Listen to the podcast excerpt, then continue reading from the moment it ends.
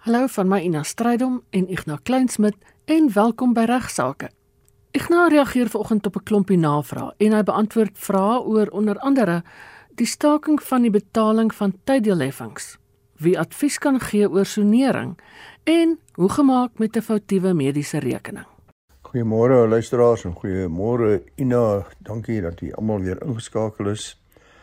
Ek het uh, baie baie positiewe reaksie gekry op die paar storieetjies wat ek gelees het uit verskillende boeke uh wat humoristies van aard was en uh ek kry onder andere skrywe hiervan af Johan Kutsie van Naledi. Naledi is 'n uitstekende uitgewers wat betrokke was destyds by publikasie van my boek wat sê die prokureur en hulle vra ek moet asseblief uitvind by die kinders of die trust of die eienaars van hierdie tekswerk van Isak Norke stilte in die hof Sharop Voetsek of daar dalk nog van sy erfgename is of van sy kinders is wat dalk sou belangstel want hulle wat na lady is sal graag uh, wil help om die boekie weer heruit te gee en dalk die teks so bietjie te verwerk as dit nodig sou wees.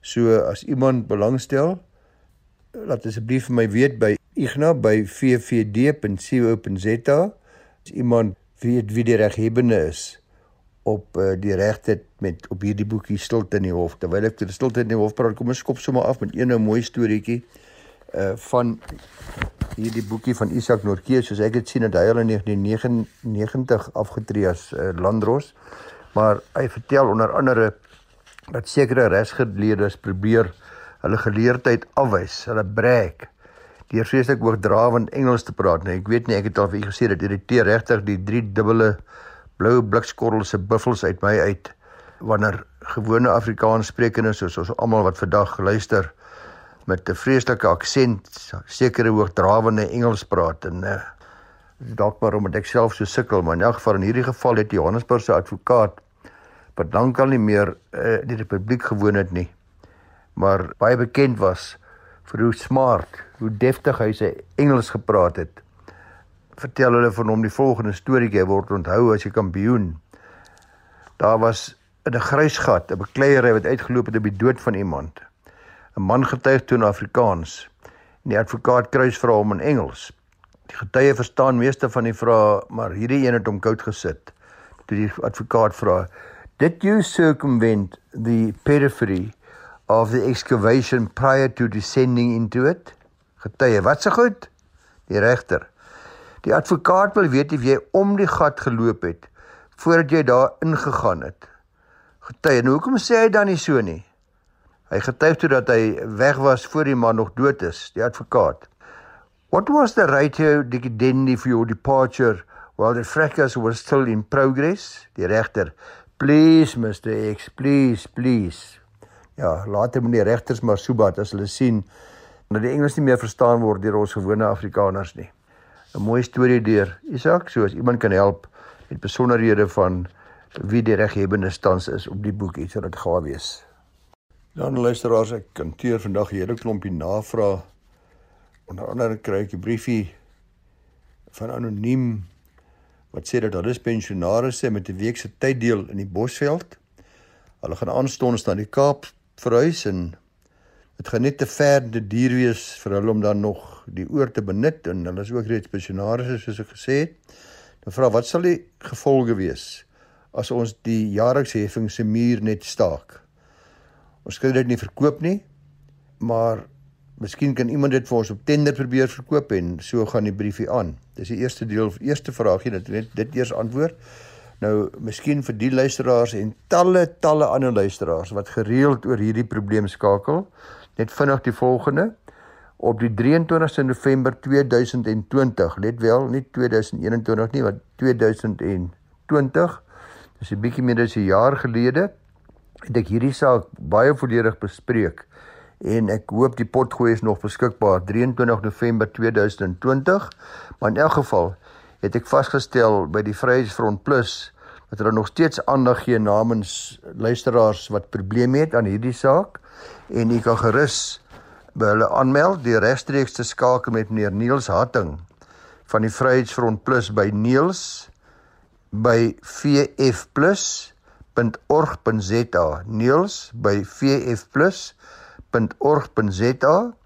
Hy kan ook geskakel word by 012 772 4410 Nou die Vryheidsfront Plus bied hierdie diens aan die publiek deur hulle klagtes aan te meld by die NVK, die Nasionale Verbruikerskommissie het 'n behoorlike jarelange ondersoek geloods en uiteindelik ook 'n baie goeie verslag die lig laat sien. En ek moet sê as jy na die verslag kyk dan is dit baie duidelik dat daar probleme is vir diegene wat kontrakte aangaan die uh, verskillende tyddeel maatskappye vir 'n tydperk wat geen einde het nie. In ander woorde, maak nie saak wanneer ek doodgaan nie of wanneer ek wil kanselleer nie, ek kan nooit kanselleer nie. Nou uh daar word redelik sterk standpunt ingeneem daarteenoor en alhoewel daar nog geen wetgewing is nie, is dit my indruk, want dit is bloot my indruk. Ek is nie bewus van enige stappe wat geneem word as mens net bloot ophou betaal nie, maar ek wil nie daarmee sê jy moet dit doen nie. Die beste is gekry maar raad by Niels by fv+.org.za alternatiefelik by u eie prokureur. Baie dankie dan ook vir mense soos Niels uh wat aandag gee omdat hierdie probleem werklik 'n groot bron van irritasie vir baie luisteraars is. Dan gaan hulle voort, hulle sê ons het dieselfde voorletters, ek het dieselfde voorletters as my oorlede vader. Uh nou hy is, is al in Januarie 285 sy pa oorlede. Maar hier is 'n hier is 'n regeringsinstansie wat my steeds opskroef vir sy, dis nou sy pa se agterstallige lisensiegelde. Alhoewel ek my eie lisensie het, nou wel in my vrou se naam, maak dit mos nie saak nie. Hulle hou aanstuurde rekening per e-pos na my dogter toe eenmal 'n jaar. Nou wat moet stel hier voor? Nou uh, ek is seker van u het al u en die dogter het al van behoorlik dat weet dat hierdie rekening vertief is en dat die vader al oorlede is in 1985 en ek kan niks meer doen nie. So my voorstel is en daar stalle ander luisteraars wat in dieselfde bootjie is wat aanhou aanmaning skryf van skuldinvorderaars wat hulle irriteer en wat hulle tuister terwyl die rekening nie vir hulle bedoel is nie is om dit maar bloot te ignoreer. Ongelukkig is dit so en daarin kan ek niks doen nie dat indien die skuldeiser dan besluit om steeds vir u te dagvaar vir tuwelik dan moet u natuurlik net nie die dagvaarding aanvaar nie en vir die Berliner sê en, en bewys ook lewer dat dit is nie u nie alhoewel die voorletters dieselfde is nie.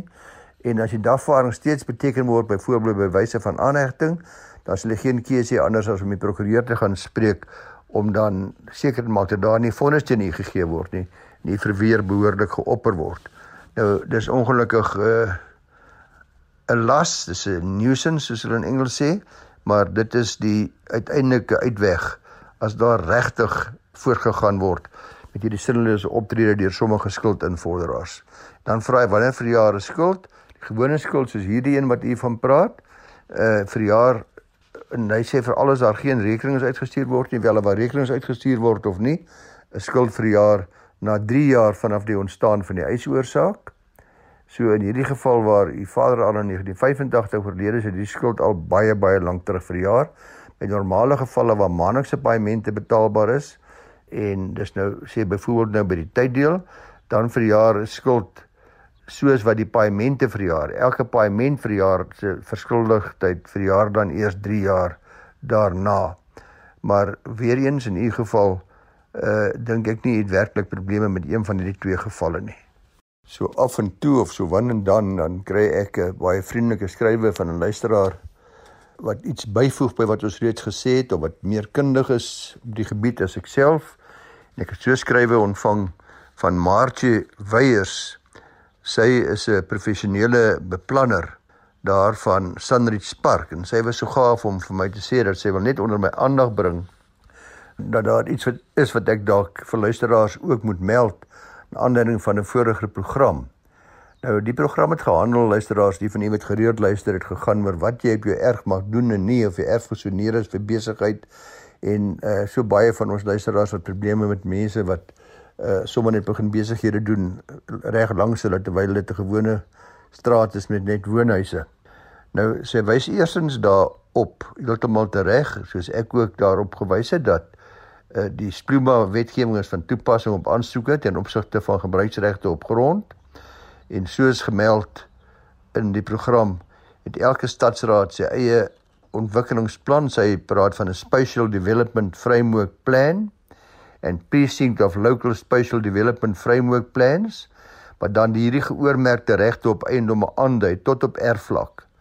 En dan kan ook soms gemeld uh, word die soneringsskemas, die land use management schemes van gebiede wat die bestaande sonerings en wat op eiendomme wel toegelaat word, baie uitdruklik bevestig. So al hierdie dinge kan u gaan vasstel as u wil seker maak of u buurman geregtig is om sy besigheid te doen en of hy, of daardie erf langs aan u of naby u korrek gesoneer is.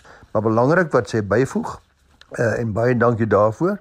Sy sê dis belangrik is wel dat die Planning Professions Act aandui dat slegs professional planners as registered aan die woorde slegs professionele beplanners soos hy self wat behoorlik geregistreer is toegelaat is om advies te gee en ook aansoeke te doen ten opsigte van die wetgewing.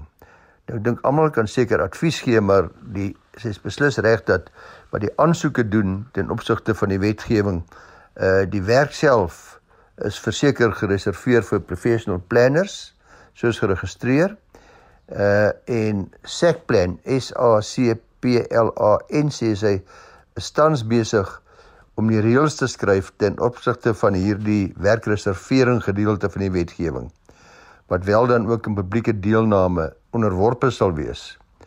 Uh, in die program het ek gemeld dat jy met my prokureur die vereidingskonsultant gaan sien uh, as jy probleme het uh, of wil vasstel of wil hulp wil hê met uh, die vraag of die buurman wel sy erf wel behoorlik gesoneer is. Sy sê dis eintlik baie beter en is eintlik soos wat die Planning Professions Act aandui baie beter om ook of liewers 'n professionele beplanner te gaan sien in die omgewing wat vir jou maklik sal help om vas te stel of die sonering korrek is al dan nie. Dankie aan Markie Weyers. Kry skrywe van Louis Lammerding. Hy sê dat hy al reeds op 9 Mei 21 het hy by ongevalle aangemeld raak aan 'n hartritmeprobleem en hy was by 'n patoloog gewees en ek gaan uh, nie alles herhaal wat hy gesê het nie, maar die kruks daarvan is dat hy het geweier dat sekere toetse gedoen is gedoen word op hom, dit se bloedtoetse want uh baie onlangs voor hierdie konsultasie van hom met die patoloog was dieselfde bloedtoetse reeds gedoen en sy mediese dag tot dag fondse was uitgeput so hy wou nie die addisionele kostes aangaan nie en hy het dus geweier. Hy het wel net een monster toegelaat en daai bedrag het hy toe ten volle vereffen.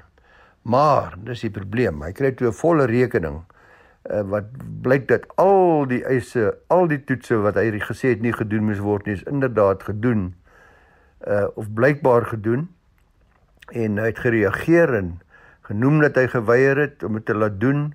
Het gesê weer wat sy redes was vir die weiering. Geen verdere korrespondensie is ontvang nie, maar die rekening het aan, is aangehou stuur. Dit is wel later 'n bietjie verlaag, maar toe sy begin dreig met 7 dae betaling en al die soort van dinge. Hy sê sy mediese fonds prosesseer nie die rekeninge ouer as 120 dae nie. Die rekening is al te oud maar sy mening is dat die patoloog hoop die mediese fonds sal betaal as gevolg van die nuwe jaar in 2022 waar fondse dan weer beskikbaar gaan wees. Wat is sy regte? Uh moet hy maar R5 per maand betaal of wat moet hy maak? Nou die kruks van hierdie saak is of ons luisteraars kan bewys dat sy of hy hierdie dienste ontvang het nadat hy spesifiek aangedui het dat hy dit nie wil hê nie. Met ander woorde, hy het beslis nie daarvoor gevra nie en dit beslis geweier. Hy sê hy het geweier. Hy sê ongelukkig nie hoe nie, was dit mondings geweest, was dit direk vir die patoloog, was dit vir die dames, het dit per e-pos bevestig, was daar getuies, weet jy wie hulle was ensovoorts. Maar hy het steeds skry die volle rekening uh wat nou iets wat verlaag is en hy is nou bang sy mediese fonds gaan dalk betaal. Jy moet altyd onthou luisteraars en ook uh meneer Lammerling of Louis, jy moet maar altyd onthou dat die mediese fonds is jou mediese fonds. Dit is nie die patoloog se of die dokter se of wie ook nog al se nie. En as u nie wil hê u mediese fonds moet betaal nie, moet jy hulle net laat weet. Hulle moet luister na wat u sê. Hulle hulle sal nie betaal as u vir hulle duidelik laat weet.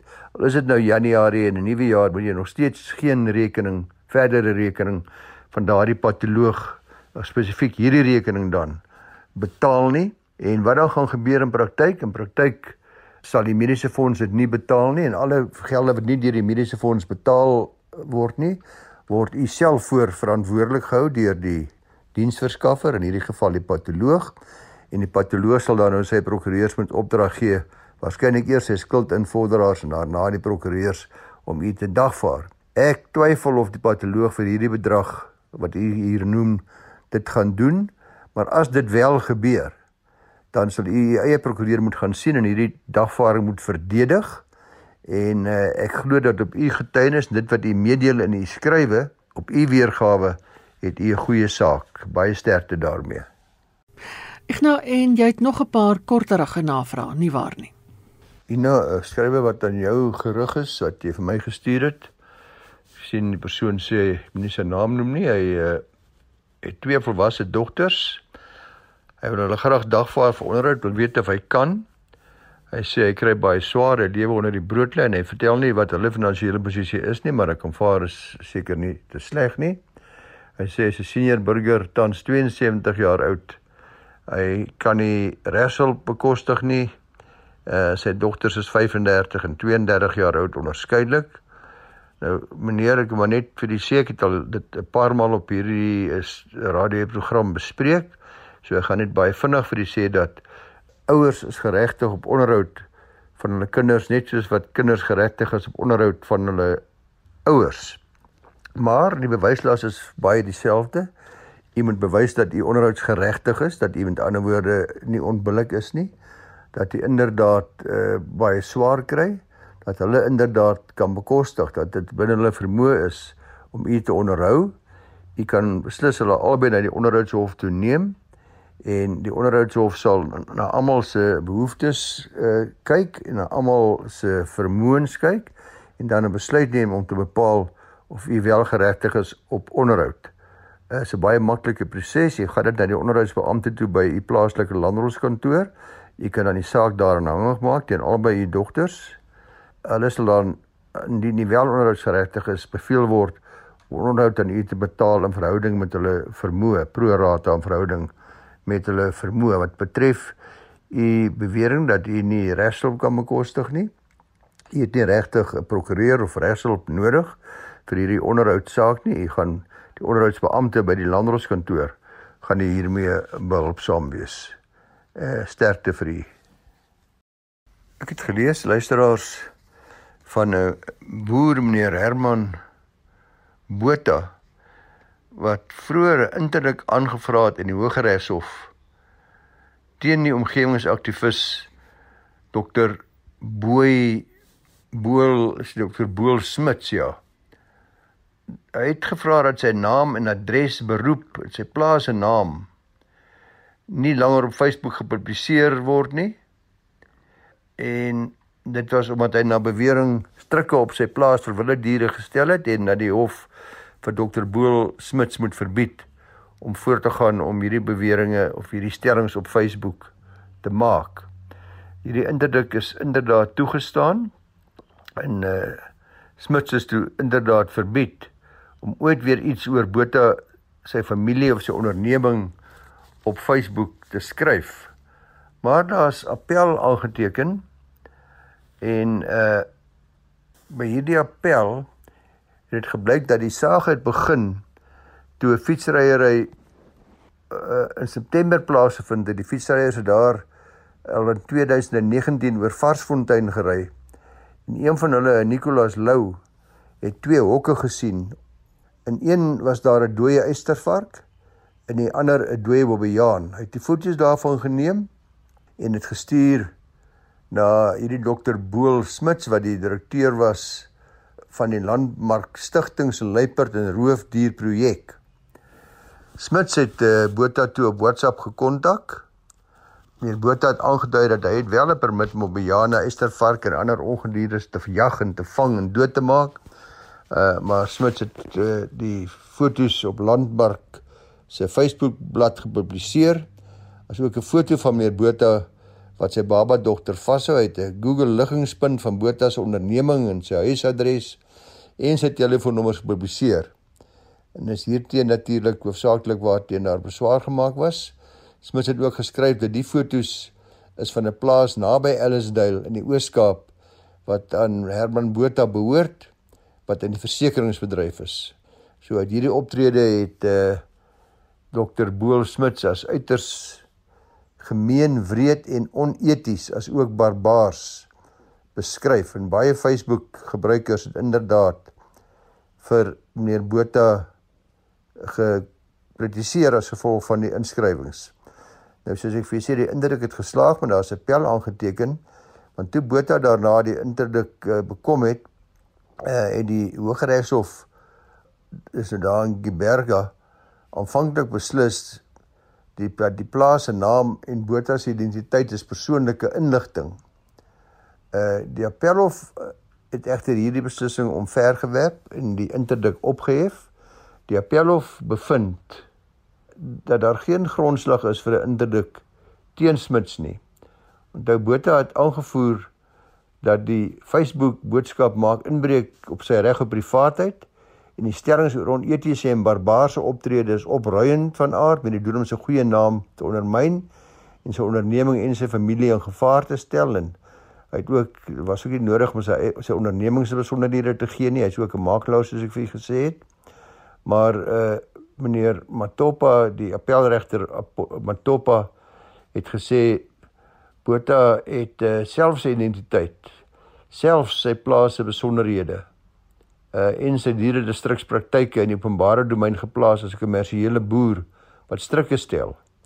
Uh sy ongemak daarmee dat die praktyke deel van Smit se boodskap uitmaak, maak die inligting wat hy self openbaar het uh nie nou skielik privaat nie. So luisteraars die die kruks van wat die regter gesê het was bloot eenvoudig dat in hierdie geval as jy jou persoonlike inligting self openbaar as jy self op die internet sê dat jy's 'n boer, jy stel strikke, jy doen dit of jy doen dat wat ook al maar wees en iemand anders te herhaal dit nou en beskuldig jou dat dit dat hy nie met jou saamstem met jou werksmetodes nie. Ek dink dis barbaars wat ek nogal kan jy nie later sê die inligting is privaat nie. Want eh uh, die reg op privaatheid is dan nie meer beskermingswaardig nie. Dis wat die appel of in hierdie geval bevind het luisteraars, kom ons bly maar hier in die Oos-Kaapse wêreld. Weet nie wie van u dalk hangende eise teen die vergroeningskommissaris nie. Daar's baie mense wat baie kla oor die tyd wat dit neem om hulle eise af te handel. Dan moet u maar mooi luister want uh, twee mense moes 20 jaar wag en dan is dit eintlik nou vergoed na hulle al hierdie trauma moes deurgaan. Uh hulle prokureur was ene meneer Mark Resou Hy was die prokureur vir meneer Aubrey Bright wat al 64 jaar oud is, as ook Tony Howell 67. Hy het ook ander kliënte beweer hy wie se eise hy hanteer. Maar uh hy hy self sê dis baie bemoedigend dat hierdie twee eise uiteindelik toe nou afgehandel is. En dat mense moet asseblief nie sommer net tou opgooi. Dit was uh soos hy sê nie 'n teerpad nie, dit was 'n grondpad beskryf hy veral die laaste paar jaar, paar jare. In die eerste geval was 'n uh, eh, meneer Bright van Kabega Park in Kuberga het in Desember verlede jaar 1,4 miljoen rand as vergoeding ontvang. Uh hy sal tot sy dood ook 'n maandelikse pensioen van 9500 rand per jaar met jaarlikse verhogings ontvang. In sy loopbaan het hy verskeie traumatiese voorvalle beleef, uh, word daar gesê, uh, wat tot erge PTSD aanleiding gegee het. Een daarvan was byvoorbeeld 'n gijslaarsdrama by die St Albans gevangenis alreeds in 1997. Het afgekom op verskeie lyke van gevangenes wat hulle self in hulle tronkselle opgehang het. Een keer het hy gesien hoe vyf gevangenes 'n ander met 'n mes aanval. Hy het toe aanvanklik wel 'n toekenning gekry hier in 1990, so 3 jaar terug van 15%. Dit was 'n berekening van sy verlies wat gemaak is. Maar hy was glad nie daarmee tevrede nie en hy toe nou die prokureur gaan sien en uh, daar was verskillende appelle en pogings gewees. Uiteindelik is die vergoedingskommissaris toe nou weer verder aangevat en uh die toekenning is toe verhoog vanaf die 15% na 50%. En daarmee is hulle baie tevrede en baie gelukkig dit het hom nou uiteindelik sy ou dag 'n bietjie gemoedsrus. Hy het ook baie groot lof vir alle prokureurs en hy sê veral vir die prokureur meneer Mark Lesouda van Kubera wat aanhou beklei het vir hom. Howell meneer Howell ook van uh, Kubera wag vir sy uitbetaling van 'n enkel bedrag wat uh, sal ongeveer 1 miljoen rand wees. Hy het dit dalk al ontvang wanneer hierdie uitsending plaasvind. En dan ook agterstallige dis agterstallige salaris en hy sal so wat 8500 rand per maand moet ontvang. Uh luister mooi daarna, hy moes 21 jaar, ja 21 jaar wag om vergoed te word nadat hy in die jaar 2000 alreeds uit die polisie ontslaan was weens PTSD. Selfs die TV nie sê hy ontstel hom wanneer hy daarna kyk. Alle geweld wat hy sien, maak nie saak waar nie, of dit op TV is of hy dit hoor op radio, waar ek nog ontstel hom te veel omdat hy op soveel ontstellende tonele as polisielid uh gesien het en dan soveel daarvan moes deelneem. In 2020 het die vergoedingskommissaris aan meneer Howell 'n 10% toekenning toegestaan. Ook daarmee was hy en sy prokureur nie tevrede nie en het hy beswaar aangeteken uh, na die tribunaal toe en die toekenning tot almal se tevredenheid en uh, tot die voordeel van meneer Howell is verhoog na 35%. Meneer Howell sien ek sê in die media dat na hierdie nuus van hierdie uitbetaling was hy en sy prokureur meneer Mark Rousseau in trane. So as jy een van die mense is wat uh, sukkel om wag of nie tevrede is met die vergoeding wat die vergoedingskommissaris aan die toeken nie, sê natuurlik welkom om die eie prokureur te gaan spreek en die saak na die tribunaal toe te verwys uh met u besware en die gronde vir u besware en dan aan te toon dat u geregtig is op 'n groter persentasie. Sterkte aan almal. En nou ter afstanding moet net weer eens vir ons luisteraars vra om asseblief nie lang uitgerekte briewe aan my te skryf met hulle eie persoonlike probleme en ek kry nog daagliks sulke briewe. Hierdie uh, program se doel is om algemene navrae te beantwoord wat van belang is vir die algemene publiek om die Suid-Afrikaanse luisteraars in die algemeen te bevoordeel en nie om vir u as prokureur individuele prokureur op te tree nie. Ek sê altyd u prokureur is waarskynlik net so goed en nie beter uh in staat om u probleem op te los nie. So gaan sien gerus die plaaslike prokureur. As jy wel 'n saak het wat u van mening is, jy graag wil hoor wat die algemene aard daarvan is, is jy welkom om dit te skryf by Igna by vvd.co.za. Lekker verdere dag vir u. Ek sal die besonderhede van die persoon wat met die tyddeel hê van kwessie kan help op die webwerf plaas. En daarmee is dit groetheid. Ook van my kant af groete tot volgende week.